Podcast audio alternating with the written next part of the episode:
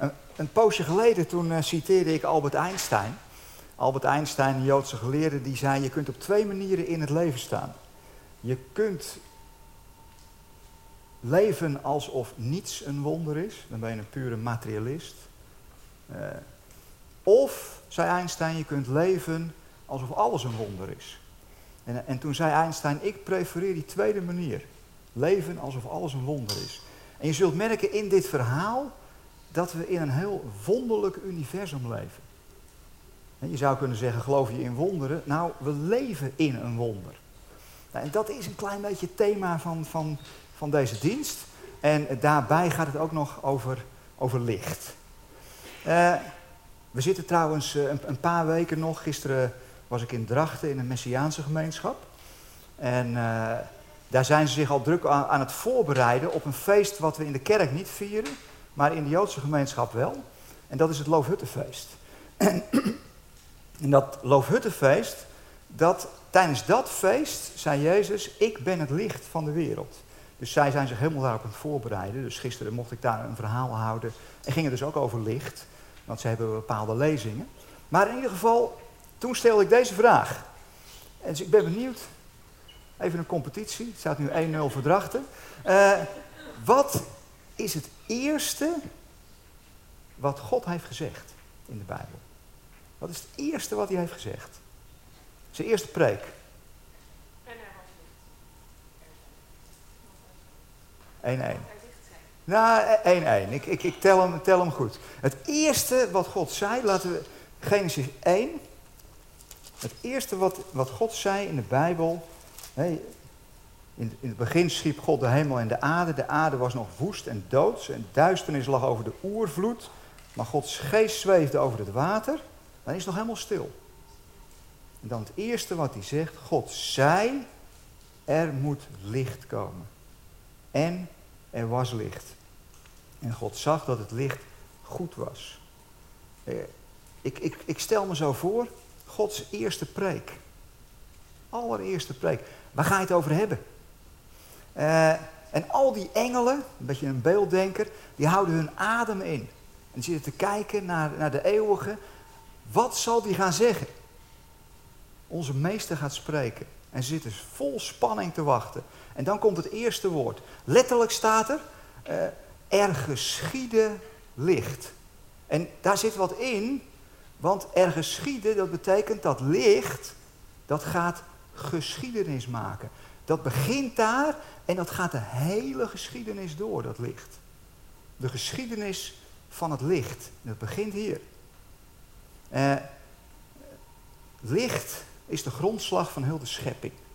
Uh, eigenlijk is licht God zelf. En Johannes 1, vers 5 voor de meelezers. Uh, en dit is de verkondiging die wij van hem gehoord hebben. God is licht en in hem is in het geheel geen duisternis. God is licht. Uh, hoe ver dat gaat, nou, komen we nog op. Het wordt steeds, uh, we gaan steeds stapje voor stapje ga ik je meenemen. Uh, het, op, de rabbijnen stelden eens een vraag. en die vroegen van, ja maar, wat is nou de oorsprong van het licht? Dat is een rabbijnse vraag. En er ontstond discussie. Het was er een rabbijn die nam het woord en die zei, weet je wat de oorsprong van het licht is? De heilige, gezegend zij zijn naam, die wikkelde zich in een witte gebedsmantel. Uh, en de glans van zijn heerlijkheid straalde van het ene einde van de aarde naar het andere einde van de aarde. En dat is de oorsprong van het, van het licht. Uh, God wikkelt zich in een gebedsmantel, al dus de rabbijnen, om voor de wereld te bidden. Dat is pas genade. Alles begint met genade. Ooit zei iemand, als je niet begint met genade, zul je ook nooit eindigen met genade. En, en, en voordat die wereld in elkaar gezet wordt, voordat die wereld geconstrueerd wordt, uh, zal ik eerst voor de wereld bidden. God zegt niet van, nou ja, vooruit, we zullen die wereld wel eens even maken. Uh, zet, de, zet de stopwatch, ik kan het in zes dagen. Nee, eerst voor die tijd gaat hij voor die wereld bidden. Uh, ik ga de hemel en aarde formeren. Uh, en aan het begin staat de eeuwige. En waaraan kun je die eeuwige herkennen? Aan die witte mantel, zijn gebedsmantel. God als hoge priester. God met een priesterlijk hart. Ja, dit, dit was mooi gisteren in Drachten.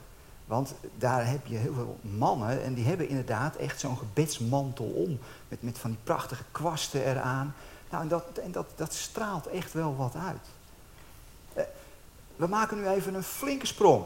Want Genesis 1 zit eigenlijk vastgebonden aan Johannes 1. En, en we komen weer uit bij het licht. Johannes 1, nou laat ik eens een paar versen eruit lezen. Die eerste paar versen van Johannes 1.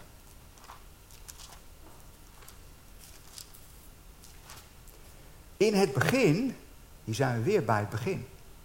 Uh, in het begin was het woord. En dat woord woord, daar staat het woord logos. En, en, en dat woord, uh, je kunt het ook met wereldgeest vertalen. Het is, is een Grieks concept. Uh, je kunt het ook vertalen met in het begin was de Christus. De, in het begin was het woord.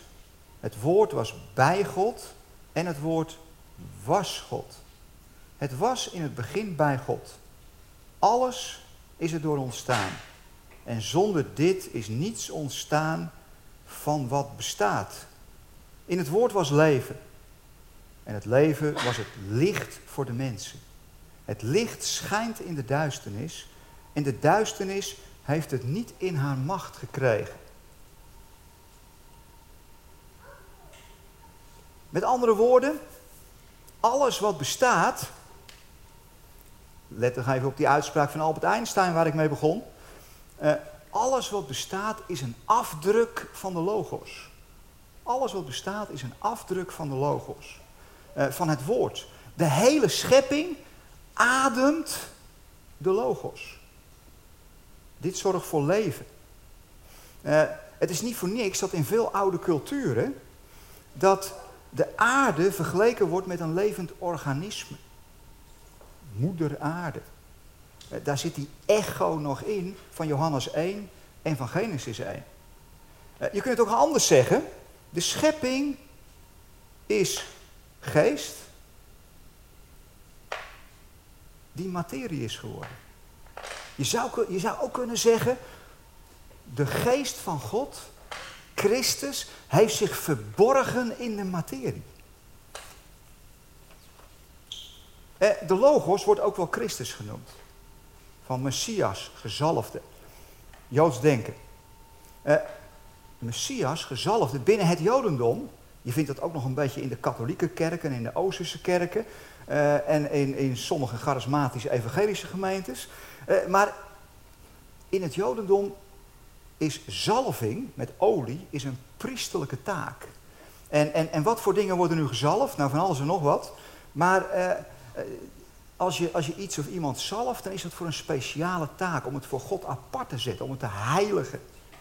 Uh, nou, zo is de hele schepping, met alles erop en eraan, is vanaf het begin gezalfd door de uitstorting van de geest. Door de uitstorting van Christus. Apart gezet. Uh, de Franciscaan Richard Rohr, dit boek heb ik even van hem meegenomen. Hij, hij werkt dit, dit hele gebeuren werkt hij in dit boek verder uit. Het Christusmysterie noemt hij dat. Uh, die zegt, als Franciscaan, hij zegt, de schepping is de eerste Bijbel. En die bestond al heel lang voordat de tweede Bijbel geschreven werd. Dus, even landen. Al het zichtbare, zonder uitzondering, is de uitstorting van God. Nou, dit moet even een beetje landen. ik moest denken aan Hans Achterhuis. Hans Achterhuis, emeritus hoogleraar, schreef een boek, net uit, Religie en Geweld. En, en, en hij zei, weet je wat het kenmerk is van veel geweld binnen, die vanuit religies worden gepleegd? Het zijn meestal de fundamentalistische stromingen die dat doen. Uh, eigenlijk altijd, zegt hij in dat boek. En hij zei, weet je wat een kenmerk is van een, van, van een fundamentalistische stroming? Ze doen niet aan bijbelstudie. Christelijk, niet, waarom doet een fundamentalistische stroming niet aan bijbelstudie? De dogma's staan al lang vast. Studie is gevaarlijk, want je zou eens tot andere conclusies kunnen komen. Dus je, het is één richting. Uh, en dat moet je precies geloven. En dit, uh, dit, deze, deze notie van de logos zijn we een beetje kwijtgeraakt. Daarom zijn we het nu wat aan het bestuderen. Uh, zijn we een beetje kwijtgeraakt in het westerse christendom. want het westerse christendom is door allerlei denkstromingen heen gegaan in de geschiedenis. En we zijn erg rationalistisch geworden. We willen alles met ons verstand beredeneren. Het moet wel kloppen. Man, hoe vaak ik niet soms word afgerekend op dingen die ik zeg. En zeggen ze, ja maar Wim, jij zegt dat, maar dat. En dan komen hele discussies, hartstikke interessant. Als je niet gelooft wat ik geloof, ben je een ketter. En dan ga je maar wat anders doen. Maar hier spreek je niet meer. Nou, dat is, maakt me niet uit, dat is heel ratio, echt met je hoofd. Hè? We, zitten, we zitten in ons hoofd. Uh, het moet wel kloppen, een kloppend systeem. En, uh, en binnen het Jodendom, daar hebben ze keiharde discussies. En dat schrijven ze zelfs op. En daarna gaan ze gezellig een kopje koffie drinken. En weet je wat ze dan zeggen? We zijn het eens over het feit dat we het niet eens zijn. Top. De verscheidenheid van het woord. De Torah heeft 70 gezichten. Uh, en geen 45.000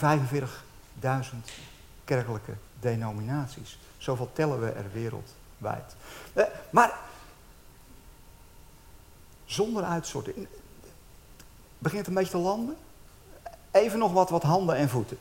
Soms zijn er teksten in de Bijbel, die lees je, maar die neem je niet op. Die lees je en denk je, oké, ik snap er niks van, maar ik lees door. Nou, ik ga nu even op een paar teksten juist de nadruk leggen, want we zijn dat een beetje kwijtgeraakt in het westerse christendom. En dat heeft wel wat consequenties gehad. Nog een paar van die teksten, die beginnen je op te vallen, nou wat ik je nu verteld heb. Romeinen 11, vers 36. Alles, ik citeer Romeinen 11, vers 36, alles is uit hem ontstaan. Alles is uit hem ontstaan. Alles is door hem geschapen.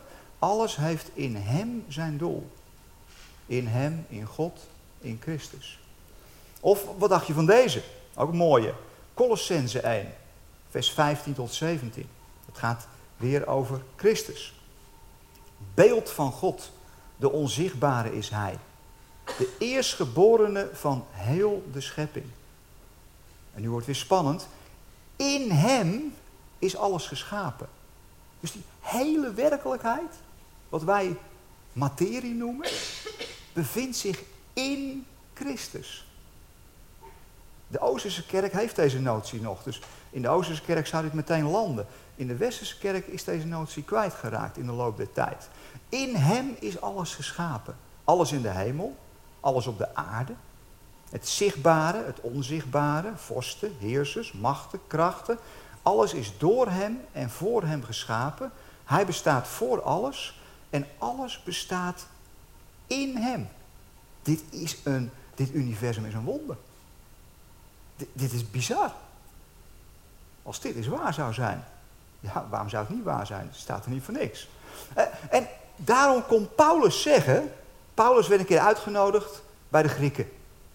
Uh, notabene in Athene op de plek waar de filosofen discussieerden. Daar werd altijd keihard gediscussieerd. Op de Areopagus. Uh, de, god, de plek van de god van Mars. Ja, we hebben er nog een uh, ja, Snickers, Mars, dat hebben wij er dan overgehouden aan Mars. Maar dat was de oorlogsgod. Hè? Zo kun je van alles commissie maken. En het is nog lekker ook. Maar dus Paulus werd daar uitgenodigd. Hij stond, hij stond daar op de Areopagus. En hij, hij kreeg het woord. En wat gaat hij dan doen? Nou, hij heeft het over de Logos. Hij heeft het over de Christus. Want dat is een universeel principe vanaf Genesis 1, vers, vers, vers 1. Want wat zegt hij tegen die heidense Grieken? Ze hadden zich nog niet bij de kerk van de Nazarenen aangesloten. Misschien dat ze dat nog doen. Maar wat zegt hij tegen die heidense Grieken? Handelingen 17, vers 28, voor de meeschrijvers.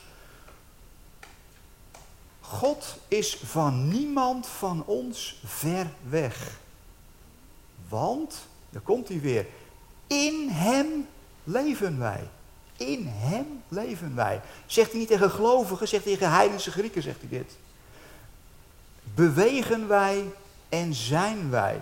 Of, en nu citeert hij een Griekse filosoof, waarschijnlijk een stoïcijn, maar goed, dat maakt verder niet uit. Of zoals enkele van uw eigen dichters hebben gezegd, uit hem komen ook wij voort. Wauw, dit is een wonderlijk principe. Met andere woorden, nog even terug. Deze hele schepping is een uitstorting van Christus.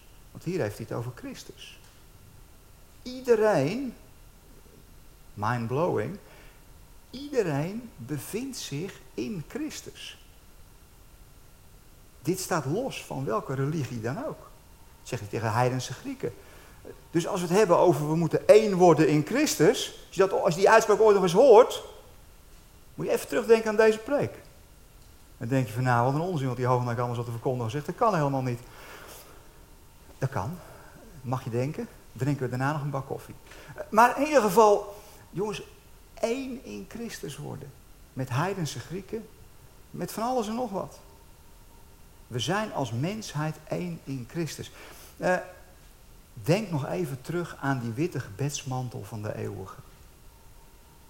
Uh, Efeze 1, daar staat heel mooi, en nu lees je dat toch anders, Efeze 1, vers 4, daar staat, wij zijn voor de grondlegging van de wereld uitverkoren in Christus. We zijn voor de grondlegging van de wereld uitverkoren in Christus. Maar jij vasthoudt die tekst. En nu zie je de heilige weer met zijn witte gebedsmantel om. Die is aan het bidden voor de wereld. En alles wordt twee keer geschapen. Alles wat er is, is twee keer geschapen. Nu, als hij aan het bidden is, dat is voor de grondlegging van de wereld. Dat is de eerste schepping. Want nu is hij het aan het bedenken. Hij is het in zijn hart aan het formeren. Al biddend is hij het aan het formeren. Al biddend is hij ons allemaal aan het bedenken. En dat is de eerste schepping. Dat is, alles wordt twee keer geschapen. En dan gaat hij het daadwerkelijk formeren. Dat is de tweede schepping. Vraag het aan een architect. Als je het niet goed bedenkt in de eerste schepping, kun je het niet goed uitvoeren in de tweede schepping. We zijn uitverkoren in Christus. En wat hebben we daar in het westerse christendom van gemaakt? Jij wel en jij niet. Sorry, jij bent niet uitverkoren. Ik citeer Calvijn. Eh, bizar. In Christus. Eh, dus, dus lang voordat Jezus kwam, was de logos al ingebed in alle dingen. Je zou kunnen zeggen, Gods liefhebbende eenwording met de fysieke schepping. Uh, terug naar het licht, want het zou eigenlijk over licht gaan. Hè? Dit, is, dit heeft al met licht te maken. Uh, wetenschappers, dat is toch wel erg leuk, die hebben ontdekt dat echte duisternis eigenlijk niet bestaat. Ja, het lijkt wel duister, maar uh, nou, nu ga ik iets vertellen en ik, ik weet dat er mensen in de zaal zijn die hier veel meer van weten dan ik. Dus nu wordt het altijd een beetje tricky. Want ik ben een soort, uh, nou ja, ik ben echt een geschiedenisdocent, zeg maar. Uh, en van natuurwetenschappen weet ik minder. Dus, maar, maar ik ga het proberen. Wetenschappers hebben ontdekt dat wat voor het menselijk oog eruit ziet als duisternis, in werkelijkheid gevuld is met allemaal hele kleine deeltjes licht die ze neutrino's noemen. Ja, zouden ze ook anders mogen noemen, maar ze hebben ze neutrino's genoemd. Dus allemaal hele kleine lichtdeeltjes. Nog gekker, die hele kleine lichtdeeltjes die overal in het universum aanwezig zijn, met het menselijk oog niet te zien, dus het lijkt heel donker, die, die vliegen met geweldige snelheden van, van tienduizenden kilometers per uur dwars door je heen. Op dit moment. Wonderlijk universum. Eh, dus met andere woorden, echte duisternis bestaat niet. Wacht even. Nu ga je plotseling het Johannes-evangelie anders lezen. Johannes 1, vers 5. In het woord was leven en het leven was het licht voor de mensen. Het licht schijnt in de duisternis en de duisternis heeft het niet in haar macht gekregen. Die neutrino's zijn niet te pakken door de duisternis. Die zitten overal, in het hele universum.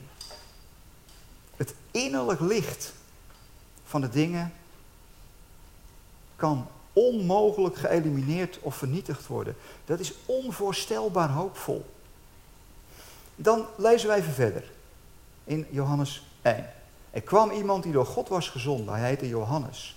Hij kwam als getuige om van het licht te getuigen, opdat iedereen door hem zou geloven. Hij was niet zelf het licht, maar hij was er om te getuigen van het licht. Het ware licht dat ieder mens verlicht, dat is dat innerlijk licht. Was uh, en naar de wereld kwam. Uh, ja, het is, het is, jammer dat ze het hier wat plat vertaald hebben. Hier, heb, hier, heeft men vertaald met het ware licht dat ieder mens verlicht en naar de wereld kwam. Letterlijk staat er, het ware licht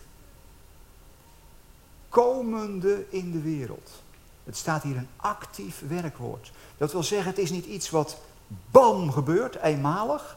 Het is iets wat een proces is. Wat, wat langzaam zeker. En dan zitten we weer helemaal bij Genesis 1, vers 3. Wat zegt God? Er geschieden licht. Daar begint de geschiedenis van het licht. En die geschiedenis van het licht gaat gewoon door. Gaat gewoon door. Uh, het waarachtige licht was komende in de wereld. Geen eenmalige gebeurtenis, maar een voortgaand proces. En, wacht even. Maar wat maakt ons nou uniek als christenen? Want de Christus is overal. Daar ontkom je niet aan, of je er nou in gelooft of niet. Nou, als christenen geloven wij dat de Logos, Gods geest, de Christus, volledig aanwezig werd in één menselijk wezen. Jezus van Nazareth. Hij was de vlees geworden Logos. Of zoals Colossense 1 uh, eh, zegt, het heeft de ganse volheid behaagd in hem woning te maken. En dat maakt Jezus uniek. Hij was God en mens in één. De ganse volheid van God woont in hem. Wat is nou zo lang? Ben je er nog? Heb je het een beetje mee kunnen volgen? Ik zie sommigen wanhopig kijken, anderen kijken van, nou ja, hier kan ik misschien wat mee. Uh, het, is, het is, een beetje, een beetje wat proeven en tasten van, van deze uh, andere manier van naar bepaalde bijbelteksten kijken. In het westerse christendom zijn we een klein beetje de mist ingegaan, vind ik dan, door de aanwezigheid van de schepper te beperken tot Jezus. En de consequenties zijn toch wel redelijk dramatisch geweest. De schepping werd gezien als iets onbelangrijks, als niet meer dan het decor. Gods belangstelling ging uit naar de mens. Toen werd het pas interessant. Die andere, weet ik het hoeveel miljard jaar, die waren niet interessant. Toen was, uh, toen was God nog met andere dingen bezig. Maar toen de mens kwam, toen werd het interessant. Uh, uh, en nog erger, voornamelijk ging Gods belangstelling uit naar de man. In het grootste deel van de kerkgeschiedenis.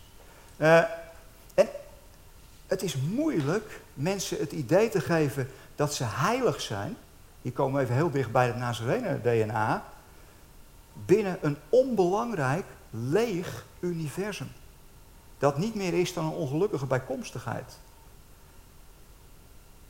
ik, ik, weet nog dat ik, uh, ik, ik ging wat theologie studeren. En toen was het motto: jongens, bemoei je niet te veel met de aarde.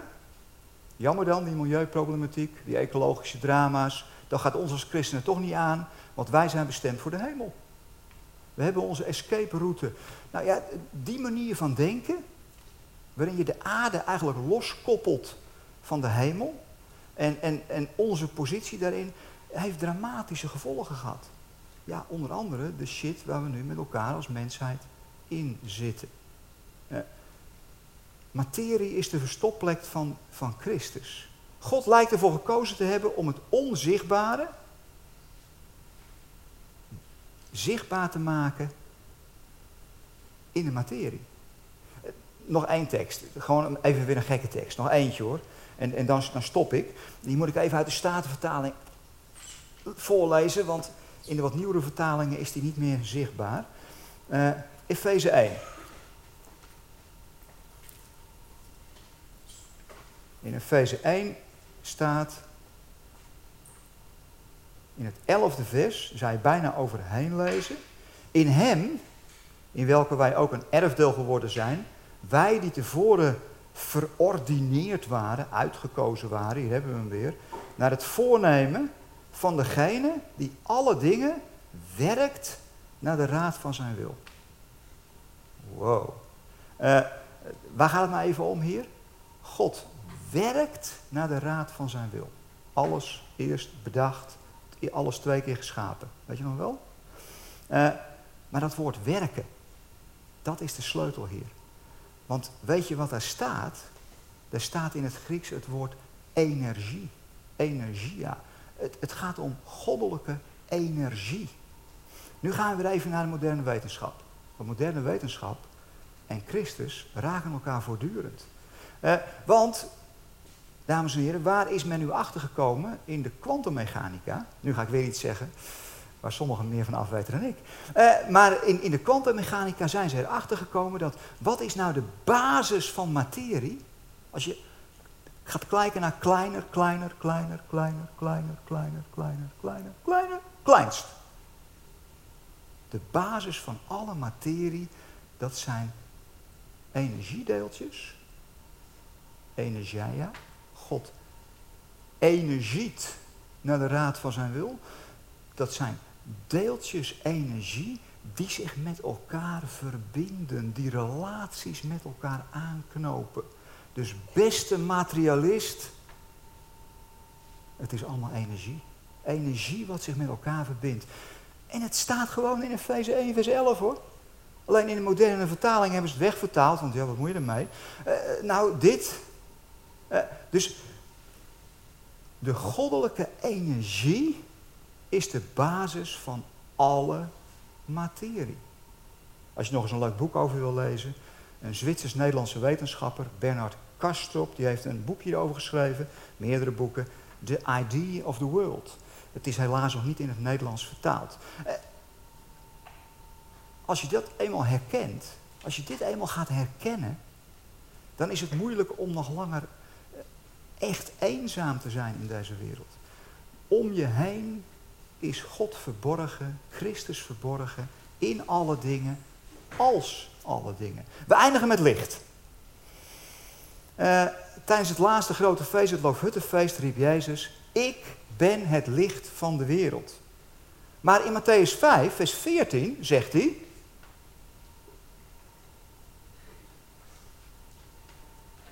Jullie zijn het licht van de wereld.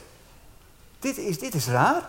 Dus hij zegt, ik ben het licht van de wereld. En ergens anders zegt hij, jullie zijn het licht van de wereld. Wat is het geheim? Ja, nu moet ik echt stoppen, want de kinderen komen weer. Nee, wat is het geheim? Misschien is de kerk een plek waar we net zo lang naar Jezus moeten kijken Totdat we naar de wereld kunnen kijken door zijn ogen. Nog één keer. Misschien is de kerk wel een plek waarin we net zo lang naar Jezus kijken, totdat we naar de wereld kunnen kijken door zijn ogen. En dan zijn we het licht van de wereld. Want licht wijst nooit op zichzelf. Door licht worden juist alle dingen zichtbaar. Vol barmhartigheid, anderen insluitend en niet uitsluitend. Eh, ik, uh, ik eindig met een gelijkenis die ook gaat over licht, over barmhartigheid en over hoe religie soms een struikelblok kan vormen om met Jezus ogen naar de wereld te kijken. Ik ga niet uitleggen deze gelijkenis, maar ik eindig er gewoon mee. Altijd leuk. Uh, en daarna zeg ik amen. Het is een moderne gelijkenis van een Ierse theoloog, Peter Rollings. En uh, uh, nou, luister lekker mee. Uh, en dan sluiten we daarna af. Er was eens een voorganger, een vurig spreker, die een geweldige, maar ongewone gave bezat. Al op jonge leeftijd merkte hij dat als hij persoonlijk voor mensen bad, ze op een bovennatuurlijke manier al hun religieuze overtuigingen verloren. Ze verloren zonder uitzondering hun geloof in de profeten, in de Heilige Schrift en zelfs in God. Dus wendde hij zich voor niet langer voor mensen te bidden, maar in plaats daarvan zich te beperken tot inspirerende preken en goede werken. Maar op zekere dag, toen hij door het land reisde, raakte de voorganger in gesprek met een zakenman, die toevallig dezelfde kant op moest. De zakenman was een bankier, weliswaar meedogenloos, maar ook erg invloedrijk. Iemand die door zijn collega's werd gewaardeerd en door zijn tegenstanders werd gerespecteerd. Er ontstond een gesprek, omdat de zakenman, die een sterk en gezagsgetrouw geloof bezat, merkte dat zijn reisgenoot in de Bijbel las. Hij stelde zich voor en vertelde honderd uit over zijn geloof in God en over zijn liefde voor Christus. Hij betoogde dat zijn werk niet bepaalde wie hij echt was. Dat was alleen maar zijn plicht. De zakenwereld is koud, bekende hij. En in mijn werk kom ik in situaties terecht die mijn christelijke overtuiging op de proef stellen. Maar ik ga elke zondag naar de kerk in mijn woonplaats. Ik doe mee aan een gebedsgroep. Ik ben betrokken bij het jeugdwerk. En ik doe mee met de wekelijkse Bijbelstudie. Die activiteiten helpen me om niet te vergeten wie ik werkelijk ben. Terwijl de voorganger aandachtig luisterde naar het verhaal van de zakenman, begon hij het doel van zijn ongepaste gave te beseffen. Hij richtte zich tot de zakenman en zei: Vindt u het goed dat ik bid om een zegen in uw leven? De zakenman ging dadelijk akkoord, niet wetend wat er stond te gebeuren. Maar nauwelijks had de prediker zijn eenvoudige gebed beëindigd, of de man opende zijn ogen en riep vol verbazing: Wat ben ik al die jaren dwaas geweest? Het is me ineens duidelijk dat er geen God bestaat die voor me zorgt en dat er geen tekst is die, hoe heilig ook me de weg wijst. Ook is er natuurlijk geen geest die me inspireert en beschermt. Nadat ze afscheid hadden genomen, keerde de zakenman terug naar huis, overrompeld door deze gebeurtenis. Maar nu hij niet meer geloofde, begon hij het steeds moeilijker te vinden om door te gaan met zijn manier van werken. Geconfronteerd met het feit dat hij in plaats van een gelovige, een man van God, nu alleen een harde zakenman was, die werkte in een corrupt systeem, begon hij zijn activiteiten te verachten. Binnen een paar maanden stortte hij in en snel daarna gaf hij zijn werk helemaal op. Toen hij zich beter voelde, begon hij aan mensen die arm waren uit te delen van wat hij had verdiend. Hij gebruikte zijn geweldige kennis als leidinggevende om het systeem, waarvan hij ooit deel uitmaakte, te bekritiseren. Hij hielp degenen die erdoor werden onderdrukt. Jaren later trof hij, terwijl hij door de stad liep, de voorganger opnieuw. Hij liep naar de overkant van de straat, knielde voor de voorganger neer en begon van blijdschap te huilen. Ten slotte keek hij op en glimlachte. Dank je, mijn beste vriend, zei hij, dat je me hebt geholpen om mijn geloof te herontdekken. Amen.